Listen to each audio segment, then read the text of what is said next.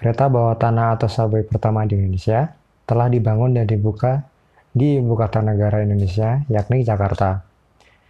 Pembangunan dari kereta bawah tanah tersebut dipandang sangatlah penting untuk mengatasi beberapa permasalahan kebutuhan transportasi umum untuk masyarakat agar dapat menguraikan kemacetan yang sangat padat bila pada jam sibuk kantor atau sekolah.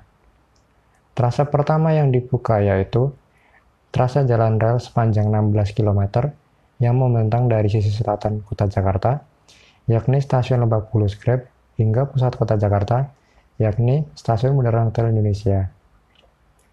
Trase pertama ini diresmikan pada hari Minggu 24 Maret 2019 oleh Presiden Republik Indonesia Joko Widodo.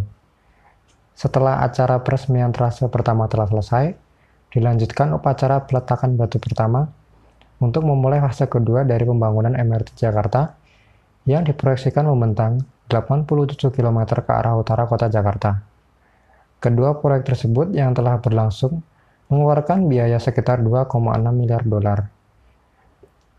Presiden Joko Widodo mengatakan hari ini akan dimulai peradaban baru dengan mengoperasikan Mass Rapid Transit tahap pertama di Jakarta.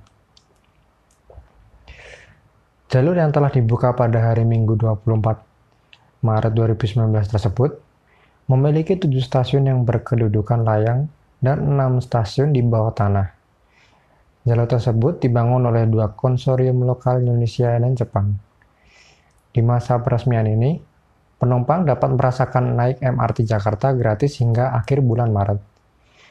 Gubernur DKI Jakarta Anies Baswedan mengatakan bahwa pembangunan MRT Jakarta fase pertama ini merupakan terobosan infrastruktur untuk mengatasi masalah kemacetan di DKI Jakarta. Setelah diresmikan, MRT Jakarta akan melayani penumpang pada pukul 5.30 pagi hingga 22.30 malam waktu Indonesia Barat dengan menggunakan 8 rangkaian MRT Jakarta hingga 1 April mendatang.